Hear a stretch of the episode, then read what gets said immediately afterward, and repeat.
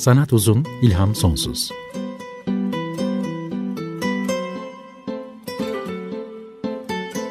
Sanat üzerine psikolojik sohbetler. Hazırlayan ve sunan Şenol Ayla.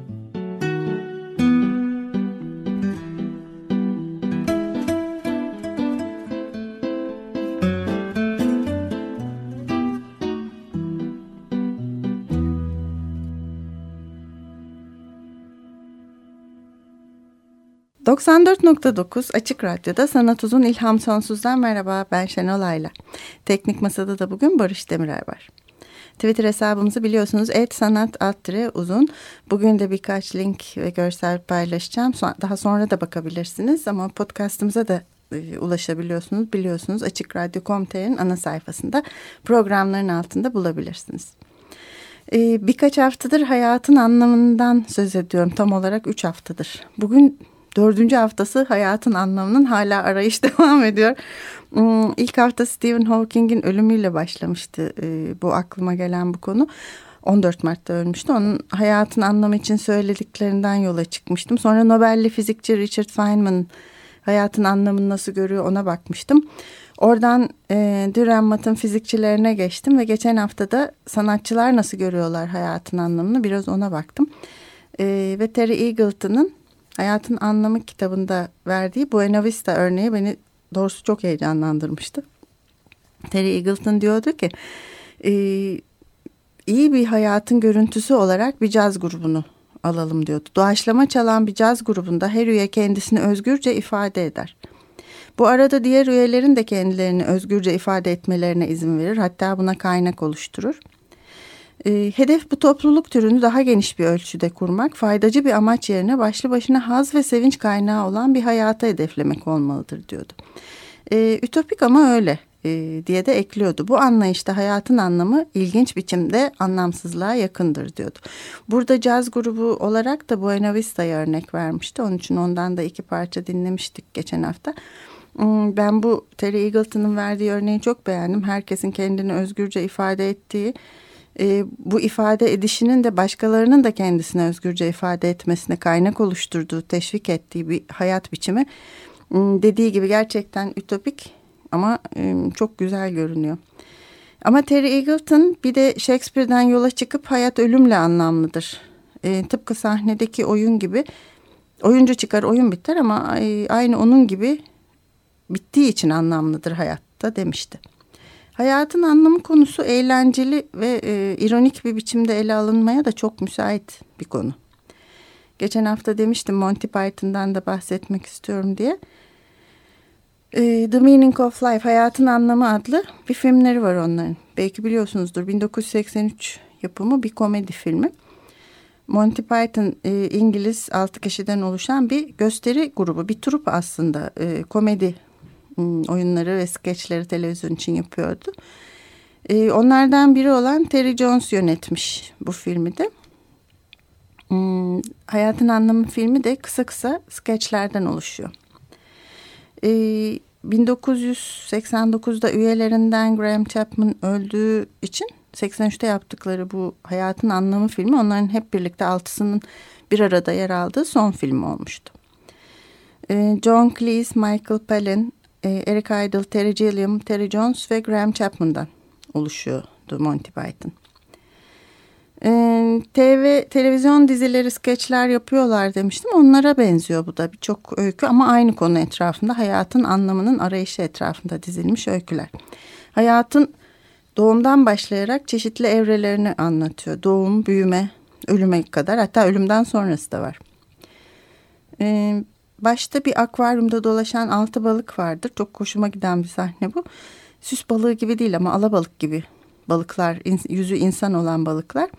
Sırayla hepsi birbirine akvaryumda gezerken günaydın günaydın derler. Bütün e, ikili kombinasyonlarda selamlaşırlar. Biri diğerine ne var ne yok der. E, diğeri de pek bir şey yok der. Sonra devam ederler yüzmeye. Sonra biri bir diğerine der ki Frank az önce ne var ne yok diye sordu der. Öyle mi der diğerleri de? Evet der ilki. Tekrar yüzerler. Derken e, biri durup e, akvaryumun dışına bakar, camdan bakar. Hey bakın Howard yiyorlar der. Öyle mi derler ve hepsi cama dizilip akvaryumun dışına bakarlar. Bir restoranın akvaryumundadırlar biz o zaman anlarız. Ee, ve Howard arkadaşları olduğunu anladığımız Howard da önlerindeki masaya tabakta pişmiş olarak tam o an servis edilmektedir. Bu sahne birçoğumuzu anlatıyor. Beni anlatıyor mesela. 9-6 çalışıyorum ve e, üstelik rastlantıya bakın çalıştığım yerde tüm duvarlar cam, akvaryum odalarda çalışıyoruz. Her sabah birbirimize ikili kombinasyonlarda günaydın diyoruz.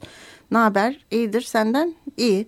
Bu diyaloğu en çok kullanıyoruz. Arada e, aramızdan birini yiyorlar mı? Evet bazen o da olabiliyor. E, akvaryuma dönersek bizim akvaryumdaki balıklar da devam ediyorlar. E, çok düşündürücü değil mi diyor biri. Hepsi e, Howard'ın tabaktaki haline bakmaya devam ediyorlar. E, aklım ermiyor diyor bir diğeri. Yani bütün bunların anlamı ne diye soruyor. Ve film başlıyor. E, bu girişin ardından da büyük bir patlama oluyor ve ilk bölüm doğum mucizesi geliyor. Doktor olarak bu bölümde de çok gerildiğimi söyleyeyim. Ondan çok bahsetmeyeceğim bu bölümden ama bir sonraki bölüm her sperm kutsaldır da çok hoş bölümlerden. Ee, Yorkshire'da Katolik bir adam işinden atılıyor ve evine dönüyor. Çok fakir bir aile belli ki. Katolik olması önemli. Çünkü doğum kontrolü yapmayan bir aile bu. Hmm, bu bölümün kendisi de çok güzel. Şarkısı da ödüle aday olmuş. Evde 40 küsur çocuk var. Belki de 50 küsür de olabilir. Ve baba işsiz kaldığından çocukları bilimsel deneyde kullanılmak üzere sattığını haber veriyor onlara. Ee, işte tam burada her spermin kutsal olduğu doğum kontrolünün yapılmaması gerektiği çünkü dinin çok önemli olduğu ve bunu vurguladığı ıı, bunu istediği acıklı bir şarkıyla çocuklar e, ve anne baba tarafından söyleniyor. E, bu, bu şarkıdan sonra da sırasında da çocuklar boynu bükük bir şekilde evden bir bir çıkarıp bilimsel deneye doğru gidiyorlar. O sırada da karşı komşu olan protestan aile iyi ki biz protestanız doğum kontrolü yapabiliyoruz diye şükretmektedirler. Ama tabii orada da durum pek bu konuşulduğu gibi değildir. Ee, bu film Hayatın Anlamı filmi yapıldığı yıl 83'te Cannes Film Festivali'nde büyük jüri ödülünü almış. Bu Altın Palmiye'den sonraki ikinci büyük ödül e, sayılır Cannes'da. E, doğrusu jüriyi de büyük e, ölçüde ikiye bölmüş birbirine düşürmüş ama sonuçta ağırlık ödül vermekten yana olmuş. E, bu bahsettiğim şarkı da her sperm kutsaldır. Every sperm is sacred. E, e, İngiliz Akademi film ödüllerinde en iyi şarkı dalında aday olmuş. Orijinal şarkı dalında. E, bugün bu film birçok listede 20 kült film arasında sayılmakta. E, birkaç bölümü var. Mesela büyüme, öğrenme, doğumdan sonra gelen birbiriyle savaşma. Filmin ortası, balığı bulun, orta yaş, gördüğünüz gibi gittikçe yaşlanıyor insan. Canlı organ nakli, galaksi şarkısı, sonbahar yılları, ölüm e, Cennette Noel ve filmin sonu adlı skeçlerden oluşuyor. İlginç ve e, komik bir film. izlemek güzel. Tuhaf bir komedi. Monty Python'ı tanıyanlar bilir.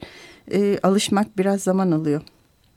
Hmm, sonunda da filmin sonu adlı epilogda başka bir bölümde yer almış bir oyuncu gelip elindeki zarfı açıyor ve hayatın anlamını okuyor bize.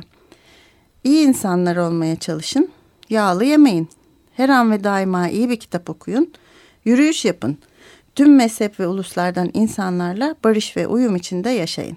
Oley diyoruz. Şimdi her sperm kutsaldır şarkısının bir bölümünü dinleyelim. You see, we believe, well let me put it like this. There are Jews in the world, there are Buddhists, there are Hindus and Mormons and then there are those that follow Mohammed but I've never been one of them. I'm a Roman Catholic and have been since before I was born. And the one thing they say about Catholics is they'll take you as soon as you're warm. You don't have to be a six footer. You don't have to have a great brain. You don't have to have any clothes on. You're a Catholic the moment that came. Because Every sperm is sacred, every sperm is great. If a sperm is wasted, God gets quite irate. Every sperm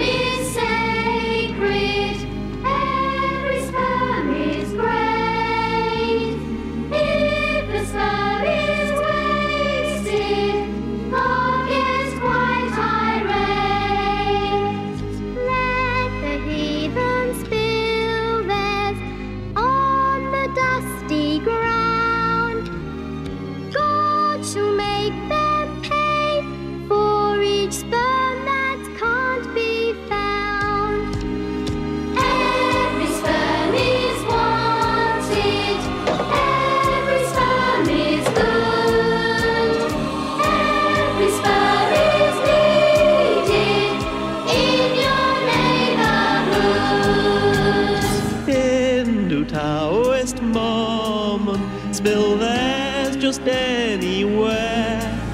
But God loves those who treat their semen with more care.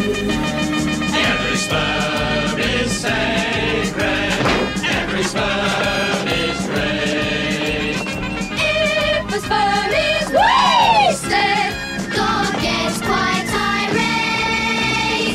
Every sperm is sacred. Every sperm is good.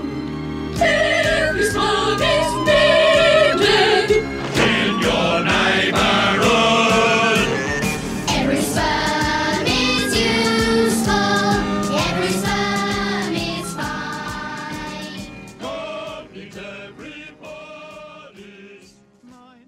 94.9 Açık Radyo'da Sanat Uzun İlham Sonsuz'u dinliyorsunuz.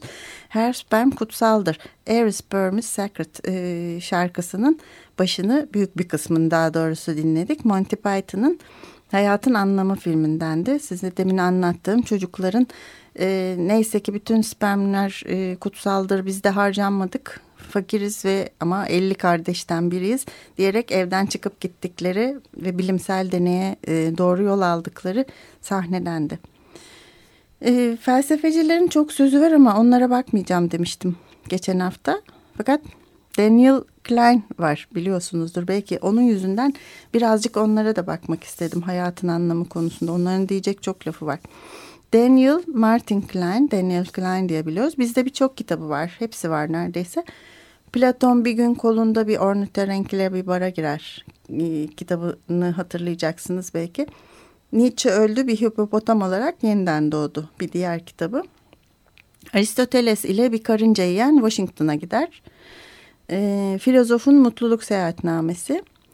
Ee, bu kitapların hepsi var. Şu da var ee, esas bugün bizi ilgilendiren. Her keşfettiğimde değiştiriyorlar hayatın anlamını adlı da bir kitabı var. Every time I find the meaning of life, they change it. Hmm. Bu aslında nasıl e, kitabın arkasında diyor ki nasıl yaşamak gerektiğine ilişkin önemli felsefecilerden yaptığı alıntılara kendi kişisel yorumlarını da ekleyerek bize sunuyor Daniel Klein diyor. Hmm, Kendisi de demiş ki işte defterimden özlü felsefi sözler ve altlarında da kendi fikirlerim var. Cevaptan çok soruya yol açabilirler ama yahu ne lezzetli sorular onlar. E, komik bir adam zaten Daniel Klein felsefe okumuş ama m, tele, felsefe yapmamış. E, televizyon skeçleri yazmış, gösteri sektöründe çalışmış, komediler yazmış, senaryolar yazmış. Zaten felsefeye komik taraftan bakışı herhalde bu kitaplarında e, bu ilginç isimlerine ve çok satmalarına sebep olmuş. Şöyle anlatıyor bu öyküsü güzel özlü sözlerle ilgili. Geçenlerde kitaplarımı toplarken eski bir defterime denk geldim. Az ve öz adını vermişim. İçine çeşitli felsefecilerden özlü sözler yazmışım. Her sayfaya bir söz ve altına da kendimce yorumunu. Gülümsedim bu koleksiyonu unutmuştum.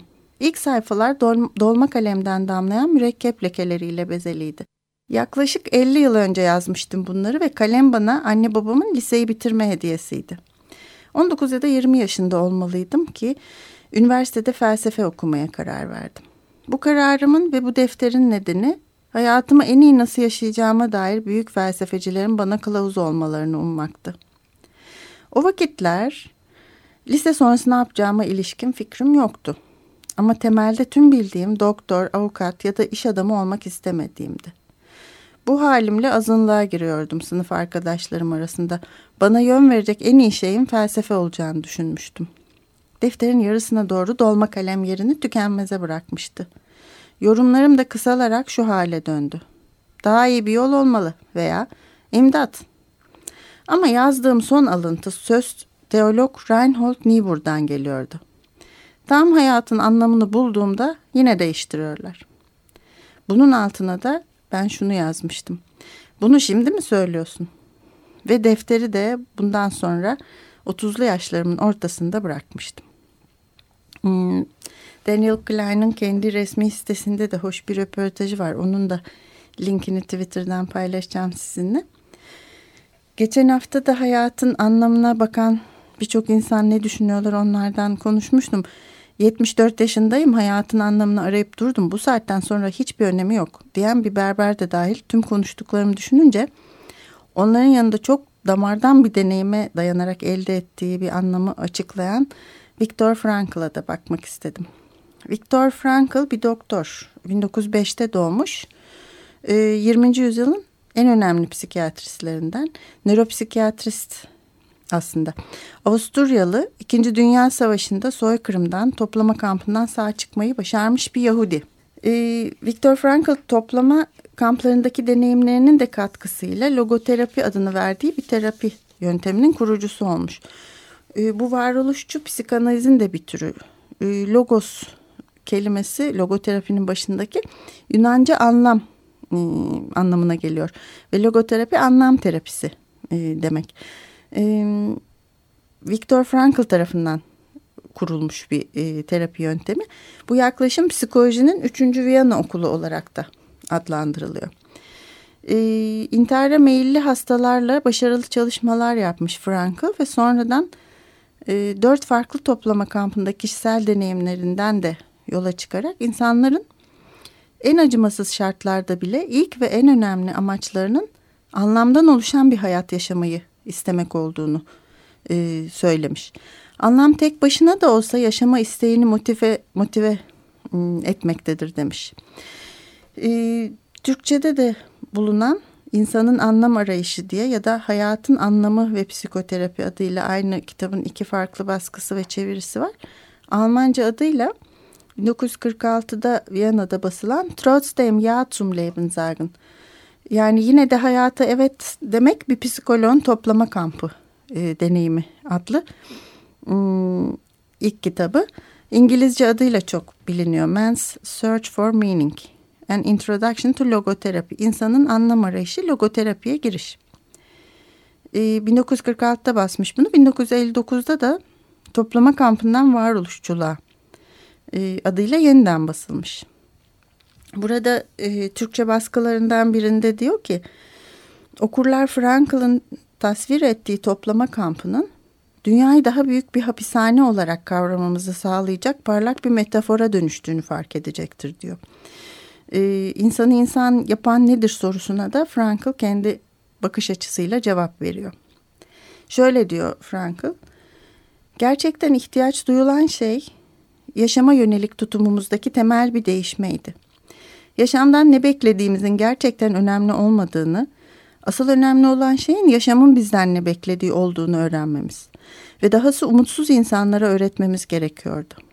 Yaşamın anlamı hakkında sorular sormayı bırakmamız, bunun yerine kendimizi yaşam tarafından her gün her saat sorgulanan birileri olarak düşünmemiz gerekirdi. Yanıtımızın konuşma ya da meditasyondan değil, doğru eylemden ve doğru yaşam biçiminden oluşması gerekiyordu. Nihai anlamda yaşam, sorunlara doğru çözümler bulmak ve her birey için kesintisiz olarak koyduğu görevleri yerine getirme sorumluluğunu almak anlamına gelir. Evet bu e, Türkçedeki iki baskısının da bu kitabının e, görüntü kapaklarını paylaşacağım ıı, Twitter'dan. E, sonuçta da prensip olarak Frankl şunu demiş. Hayatın anlamının ne olduğunun cevabını sadece siz kendiniz için verebilirsiniz. Hayatınızın herhangi bir anında anlamı keşfeder ve onu hayatınızın dokusuna dahil etmenin sorumluluğunu alırsınız. E, Viktor Frankl'ın çaresizlik anlam olmadan acı çekmektir e, adı verilmiş bir de röportaj hmm, klibi var. 1986'da yapılmış bir röportaj bu. E, izliyor musunuz Twitter'dan bilmiyorum. Ümit Gurbanov var. Çok e, harika videolar bulup çıkarıyor ve çeviriyor. Şiddetle tavsiye ederim. Onun da linkini paylaşacağım Twitter'dan. YouTube kanalı da var. E, orada da çevirmiş olduğu tüm video kliplerini bulabilirsiniz. Bir nevi dipnot o kanalın adı da. Onun da linkini paylaşacağım Twitter'dan. Ta, e, takip ederseniz çok e, mutlu olacaksınız. Çünkü Simone de Beauvoir'dan Antonin Artaud'a, Tolkien'den Ursula Le Guin'e, Thomas Edison'a e, nadir bulunan inanılmaz filmler ve ses kayıtlarını bulup çıkarıyor. Türkçe'ye çeviriyor. E, altyazıyla e, yayınlıyor. Bir hazine lütfen kendinizi mahrum bırakmayın o kanaldan. E, zaten kendisi de Twitter hesabında şöyle tarif ediyor. Altyazı çevirileri hazırlamak üzere kurulan bu kanal Wittgenstein'ı paradoksal bir biçimde hatırlatmaktan geri durmaz. Neden buradayız bilmiyorum ama eğlenmemiz için olmadığı kesin. Wittgenstein'ın alıntısıyla. Ee, buraya kadar gelmişken tabii aynı yerlerde dolaşınca benzeri şeylerle karşılaşıyor insan. Hmm, Ümit Gurbanov'un bir nevi dipnot e, kanalından bir öneri daha. Monty Python'ın Filozoflar Maçı'nın bir bölümünde orada Türkçe altyazıyla yayınlamış. Ee, Burada e, 1972'de yayınlanan bir skeçmiş bu. Filozoflar maçında Almanya ile Yunan, Yunanistan karşılaşıyor. Futbol maçı yapıyorlar. E, şu takımların birazını sayarsan bir kısmını göreceksiniz. Leibniz, Kant, Hegel, Schopenhauer, Wittgenstein, Heidegger Alman takımından e, bir kısmı. Yunanistan'da da Plato, Epiktet, Aristoteles, Sofokles, Empedokles e, ve Epikür oynuyorlar. Gerçekten bu da komik ve hoş e, bir klip. Viktor Frankl'a dönersek onun burada yayınlanan röportajında şöyle diyor. soruyor röportaj yapan kişi. Temel felsefeniz her koşulda hayatın bir anlamı olduğu yönünde. Ama ortada bir çaresizlik ve umutsuzluk olduğunda anlam bulmak ne kadar kolaydır. Frankl da şunu söylüyor. Çaresizliğin matematiksel denklem şeklinde açıklanabileceğini iddia ediyorum. Ç eşittir AC eksi A. Yani çaresizlik anlam olmadan acı çekmektir. Erkek ya da kadın acı çekişinde hiçbir anlam bulamazsa çaresizliğe düşer ve belli şartlar altında intihara meyleder. Acı çekişinde bir anlam görebildiği anda onu bir başarıya dönüştürebilir.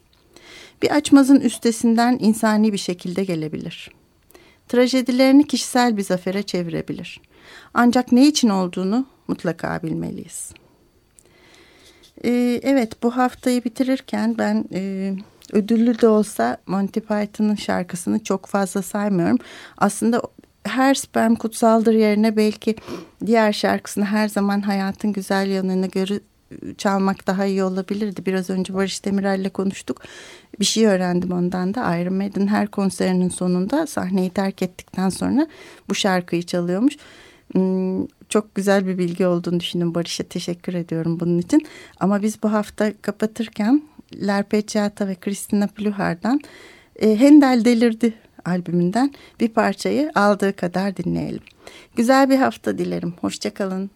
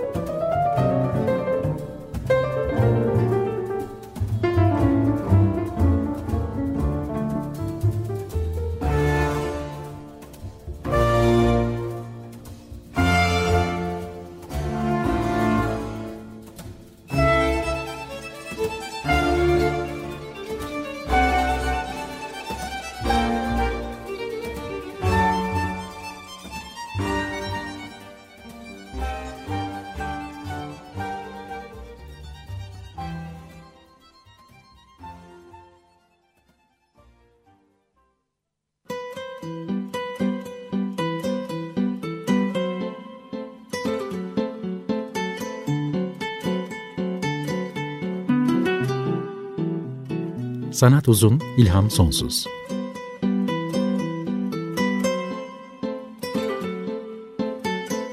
Sanat üzerine psikolojik sohbetler. Hazırlayan ve sunan Şenol Ayla.